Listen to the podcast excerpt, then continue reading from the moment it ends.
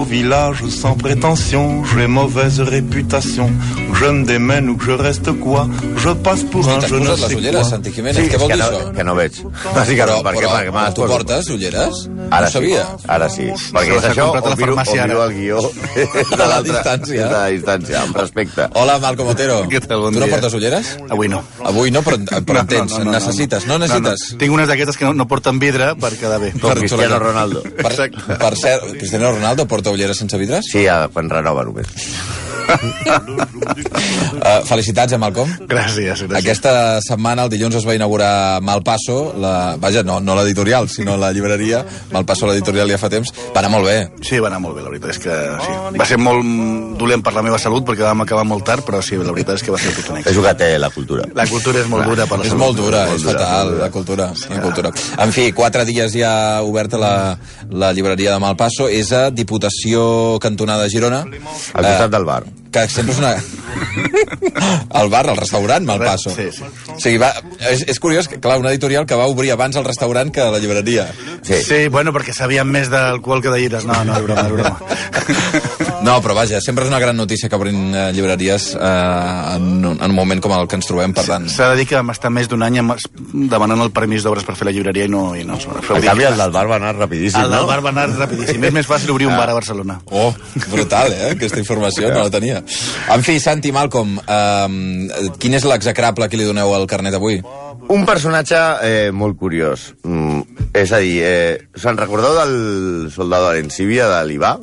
Que sortia el jueves, Sí, que portava sí. el casc Nació va matar. Sí, sí, sí. Vale, pues avui el nostre personatge, si fos això, seria Nació pa mandar.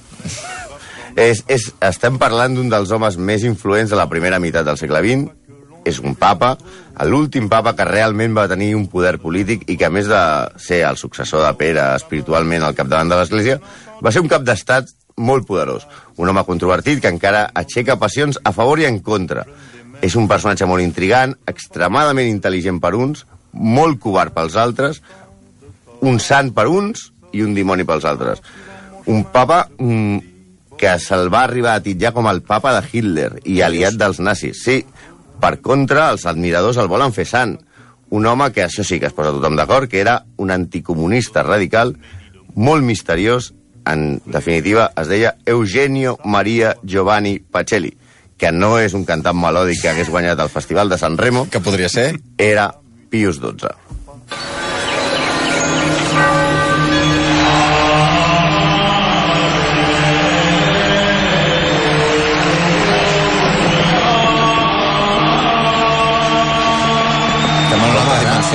L'home que té una entrevista del que canta, eh? Té una entrevista, sí. No sé si és bé. Bueno, per motius obvis, sembla estrany que algú hagi nascut per papa, ja que les normes de la casa impedeixen que a menys que et diguis Borja i visquessis als divertits temps del segle XV, això de que el jefe dels capellans tingués descendència a qui deixar l'empresa està mal vist. Sí. Però, No, no hi ha genètica No hi ha en el genètica. fet de ser papa. però en el cas de Pacelli és el més semblant a un papa predestinat. Se li veien maneres des del planter. Ja de jovenet, Pacelli ja era, diguéssim, un Messi de la cúria. Per començar, sí, a veure, Pacelli va néixer a Roma i, Això et dona un punt positiu. i molt ric. Per tant, que això per, per ser papa és bastant important. I per Ja. tot. Ajudava. El seu avi, Marc Antonio Pacelli, ja va ser secretari segon al Ministeri de Finances dels Estats Pontificis. Després va passar a ser secretari d'Interior amb el papa Pius IX i va fundar el 1861 l'Observatorio Romano, Home, que pels de l'ESO vindria a ser com el mundo deportiu dels catòlics. Però no acaba aquí la Ai, cosa. ai, ai. El seu cosí, Ernesto, va ser el principal consultor financer del papa Lleó XIII. El seu pare, Filippo, el degà de la Sacra, Rot, el de la Sacra Rota Romana, que vendria a ser com el comitè de competició dels catòlics, que es volen divorciar sense caure en pecat. I el seu germà, Francesco, era un eminent advocat de dret canònic que va redactar el pacte de Letran, que és una mena de pacte d'independència signat amb Mussolini. I el que Pius XI va anomenar marquès, això com el rei que va donant títols de marquès. Mm. Per tant, no resulta estrany que als 12 anyets el nostre petit Pacelli anunciés als seus pares que en lloc d'anar per aventura o ser youtuber, el que volia era entrar al seminari. Però el seminari, a veure, un seminari, pels de l'ESO, és com la casa de Gran Hermano, però sense fer dredoning i estudiar la Bíblia. Eh? va, home. Se li va fer molt coll amunt, no s'adaptava. Pensem que venia de família de molta pasta, així que va remoure les influències i va rebre una dispensa especial per poder viure a casa mentre estudiava per ordenar-se cap allà. A la seva carrera, un cop ordenat, va ser meteòrica. Fa els vots al 1899 i només dos anys després entra a la congregació d'assumptes eclesiàstics extraordinaris, com si hi hagués alguna cosa en aquest negoci que no fos extraordinària. Mm. Amb 25 anys, el papa Lleó XIII l'envia a Londres com a representant del Vaticà al funeral de la reina Victòria. El 1904 ja és xambrelant i amb només 29 anys prelat domèstic de 60 edat. O sigui, si fos futbolista, és- era un futbolista precoç. Eh, És un cura prodigi. És un cura prodigi. Sí, sí. No s'atura aquí. Acumular càrrecs, vols dir? Sí, no, no s'acaba aquí la seva carrera eh, meteòrica. Acapara cada cop més poder al Vaticà. Amb 40 anys ja és secretari d'Estat Vaticà, amb dos papes diferents. Secretari d'Estat del Vaticà ja és ara mateix un càrrec quan l'imposen, però abans encara ho era més. Equival a ser com una mena de ministre exteriors de, de, del Vaticà. Una de les missions d'aquest ministre, de- ministre, del secretari d'Estat, és la de signar els concordats amb els, amb els diferents països. Uh -huh. Un dels que va signar el 24 de juny de 1914 és amb Sèrbia. Quatre dies després, Gavrilo Príncip dispara... No té cap relació que comencés la Primera Guerra Mundial després d'aquest home. Però com veurem, eh, el papa Pacelli, que encara no era papa, no va tenir molta sort amb els conflictes bèl·lics.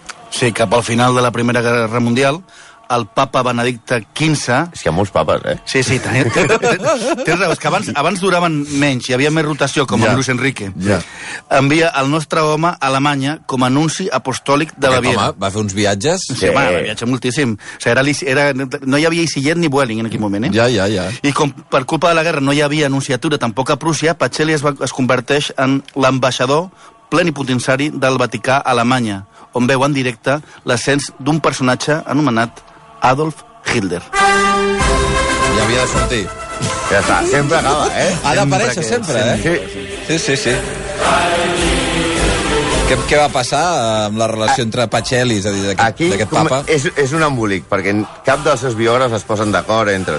Uns asseguren que va mirar cap a una altra banda mentre els nazis anaven guanyant poder i fent progroms i, i que ja es veia per una altra, i en canvi hi ha uns altres biògrafs que afirmen que des del primer moment va estar en contra de Hitler.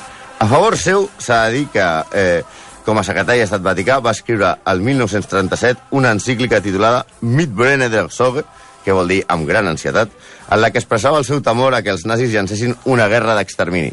Però, al mateix temps, eh, els seus crítics diuen que li va donar legitimitat al règim nazi al signar el concordat, aquest home només signava concordats, entre el Tercer Reich i la Santa Seu.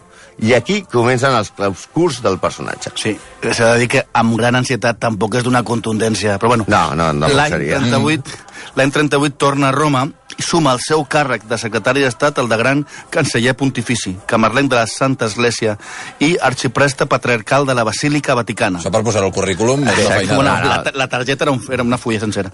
No és d'estranyar que ell fos elegit per batejar aquell mateix any a Juanito, o Juan Carlitos, el fill del rei d'Espanya, que estava a l'exili romà durant la Guerra Civil. Arribem al 1939. Mor Pius XI, un altre papa. O sigui, hi havia més papes que, que entrenadors al deport. O sigui, I, evidentment, l'elecció del nou papa estava cantada, amb tots els càrrecs que tenia. El conclau va durar només dos dies i Pacelli va guanyar per col·legiada. Segurament era de tots els cardenals el més preparat de, per, per, per ser papa. Però era un papa sense experiència pastoral i mai va, perquè mai havia tractat amb, amb, amb la gent. Clar, o i- sigui, era un, era un tio que bàsicament havia tingut acumulat Sí. càrrecs un darrere l'altre. Sí, o sigui, realment- de, de, de pastor d'una vaja, d'una església no eh, havia no, fet no, res. mai, mai. mai. Sí, havia fet més passadissos que la directiva del Barça als jutjats. Vull dir, en aquest escenari, ell és nomenat papa i esclata la Segona Guerra Mundial. I aquí on és la troca s'embolica. El que, els que consideren el que els, el consideren un execrable parlen d'ell com el papa de Hitler. Es basen en que, quan va ser elegit, papa va arxivar una carta contra el racisme i l'antisemitisme que els seus predecessors havien deixat preparada. Mentre els jueus i altres minories omplien els camps de concentració, mai va expressar cap protesta pública ni de paraula ni per escrit es va abstenir de signar l'any 42 una declaració dels aliats en la que es condemnava l'extermini dels jueus. Quan l'octubre de 1943 els jueus de Roma van patir una ràtzia i van ser deportats a Dachau, tampoc va intervenir. També l'acusen els seus detractors de facilitar després de la guerra documents falsos a alguns nazis per tal de que fugissin del, a Sud-amèrica. Eichmann, entre ells. unes acusacions molt serioses. Un, document, un documental britànic de l'any 96 que es diu El papa, els jueus i els nazis... No és dirigit- l'acudit, eh?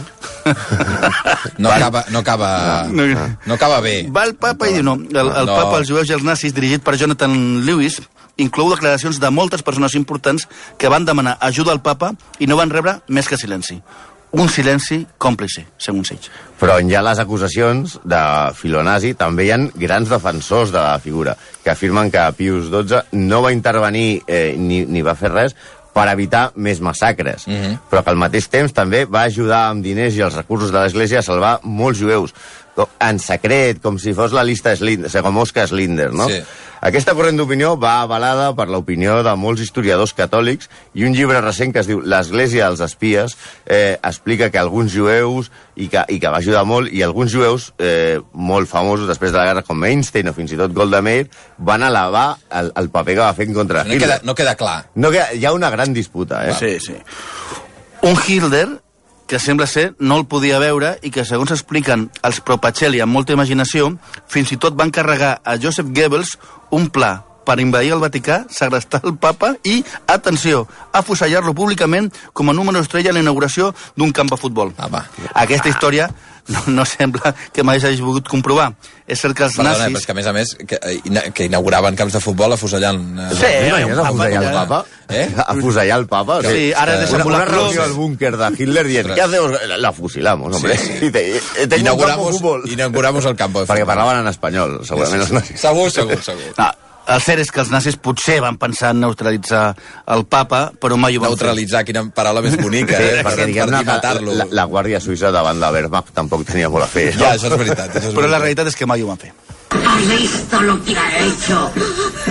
La cochina de tu Oh, hija. però, però, no, però... Exorcismes, també tenim Però, exorcismes. ah, hi ha exorcismes Clar. al voltant d'ell. Una de les seves col·laboradores més pròximes, que era una monja que es deia Sor Pascalina Lehet, que va treballar al seu servei durant molts anys, va assegurar a Peter Gumbel, un escriptor, que va escriure una biografia del papa, que el propi papa, durant la Segona Guerra Mundial, va estar en contacte secret amb els militars que van tractar d'assassinar el Führer, amb Tom Cruise, perquè ens entenguem, eh? I que fins i tot va fer ni més ni menys que 43 exorcismes a distància, que això sí, Hòstia, per a distància? el Això és boníssim. del cos de Hitler. És a dir, ell, ell es va pensar que el, el problema de Hitler era que estava posseït pel Posseït. dimoni. Oh, clar. Ell, a la seva capella privada del Vaticà, eh, va fer-li un exorcisme a distància. No van funcionar, clarament. No, sigui, no. sembla que no. Al final van haver de venir els russos i els americans amb mètodes menys espirituals a fer la feina. De fet, eh, fer exorcismes és una manera una mica Sui generis. sèria de combatre el feixisme. Sí, sí. Si el papa Pacelli va ser tou amb els nazis i va mirar a una altra banda per evitar que els catòlics seguessin la sort dels jueus, o va ser un heroi incomprès que va salvar milers de vides en secret, encara és un d'aquests temes que fa que els senyors que semblen seriosos intel·lectuals, rates de biblioteca que mai diuen una paraula més alta que altra i que no llegeixen cap llibre de menys de 2.000 planes, actuïn com a hooligans anglesos i borratxos quan es troben en un congrés i surt aquest tema a debat. Sí, uns diuen que la prova que realment era un filonazi és que quan va acabar la Segona Guerra Mundial es va mostrar un ferm partidari en la creació de l'estat d'Israel, mm -hmm. per tal de perdonar-se i que els jueus no li retallessin el seu comportament. I que per aquest motiu la seva beatificació està aturada. Els altres, els, els pro-Pacelli, parlen de que tot és un muntatge de la KGB i de Khrushchev perquè el, per, per fer-li pagar el seu anticomunisme militant durant la Guerra Freda. Compagna avanti il gran partito. Oh, carai. Anticomunista sí que era clar que ho era, eh? En aquest aspecte de la seva vida no hi ha discussió possible. Durant els anys 50 es va posicionar clarament a favor dels Estats Units i en contra del bloc de la URSS, tot i que el que fes, i, i, o sigui, estava tot en contra de tot el que fes pudor al comunisme, que a Itàlia la, era, era molt forta. Aquí, i aquí sí que no va ser tampoc ambigu, es va mullar del tot. I sense exorcismes, eh? Mira, per exemple, el 1948 va declarar que qualsevol italià catòlic que recolzés els candidats comunistes a les eleccions parlamentàries seria excomunicat. Oh, boníssim. El 1949 va autoritzar a la Congregació per la Doctrina de la Fe, que és la Inquisició, però que li van canviar el nom com el de Mr. Proper i Don Limpio, saps? Sí, que era el mateix, però nom diferent. Va autoritzar a la Inquisició a excomunicar a qualsevol catòlic que milités en un partit comunista. Sí, cosa que ara no s'acaba d'entendre, perquè si un és comunista, molt sentit no té excomunicar-lo. Això és veritat. Però és que ja abans hi havia catòlics comunistes fora de Venezuela, vull dir. Mm. Fins i tot capellans. Va prohibir que els capellans fossin obrers i militessin als sindicats. El 1950 va impulsar l'últim dogma de fe de, de l'Església fent oficial que la verge era verge. Oficialment. Ah. Oficialment, sí, sí. Ell ho va Sí, oficialitzar. sí, tant, per, per si hi havia, hi havia Al Només 52... feia 1.900 anys que havia passat, eh? el tema. No, 52. però ca- ca- Cal tenir-ho clar. Sí, sí, això sí. Era apel·lació, diguem-ne. Dos anys després va enfrontar-se a la democràcia cristiana perquè van pactar l'alcaldia de Roma amb els socialistes. I, atenció, el 53 va signar amb Francisco Franco un concordat que donava base Només feia jurídica... concordats, aquest. Sí, sí, Anava signant. que, que donava base jurídica a l'anomenat nacional catolicismo, convertint el Vaticà en un dels pocs estats que reconeixien el règim feixista. Recordem que Franco entrava a les esglésies sota pali i nomenava Això bisbes, sí. eh? I Això era sí. caudillo por la gràcia de Dios. Correcte. O sigui, que els estudiosos poden discutir el que vulguin sobre el seu, la seva participació amb Hitler a la Segona Guerra Mundial, però el que es diu un progre, progre, no, no semblava, eh, Pius XII. Va morir l'any 54, pocs mesos després d'haver d'elevar a bisbe a un jove sacerdot polonès de només 38 anys, anomenat Karol Wojtyła. Ja sabia el que es feia el senyor Pius XII.